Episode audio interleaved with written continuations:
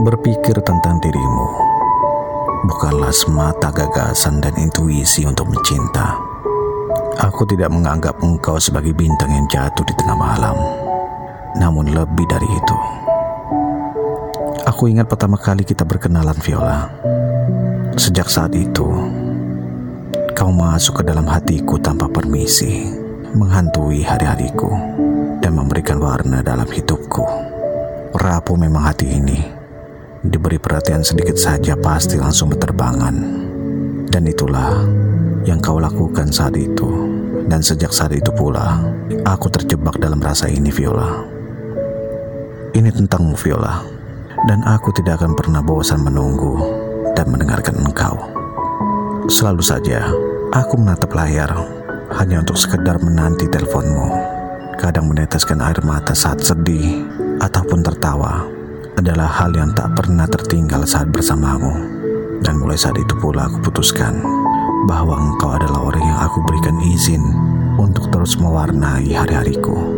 Aku tak bisa mengeluarkanmu dari kepalaku, Viola. Betapa sangat tergila-gilanya aku denganmu. Sampai aku tak tahu harus berbuat apa lagi. Betapa sangat berharapnya aku untuk bisa selalu bersamamu, Viola. Setiap harinya.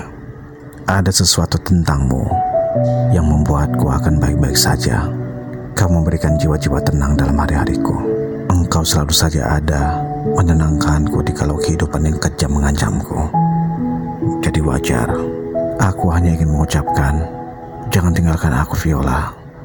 Jangan pergi, atau semuanya akan patah. Dan aku sudah terlalu nyaman denganmu. Dan saat ini masih tentangmu Viola. Dan aku memang salah mengucapkan kalimat yang seharusnya tak pernah aku ucapkan.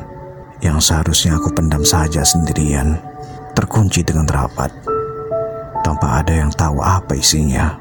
Mungkin saja ekspektasiku terlalu tinggi dalam membayangkan engkau akan membalaskan hatiku yang penuh bunga ini dengan hatimu yang tulus. Tapi mudah-mudahan mendapat puisi ini, semoga engkau mengerti perasaan ini dan tidak membiarkan semua perlahan pergi, hilang, dan menghilang. Tidak membiarkan semuanya perlahan mulai retak.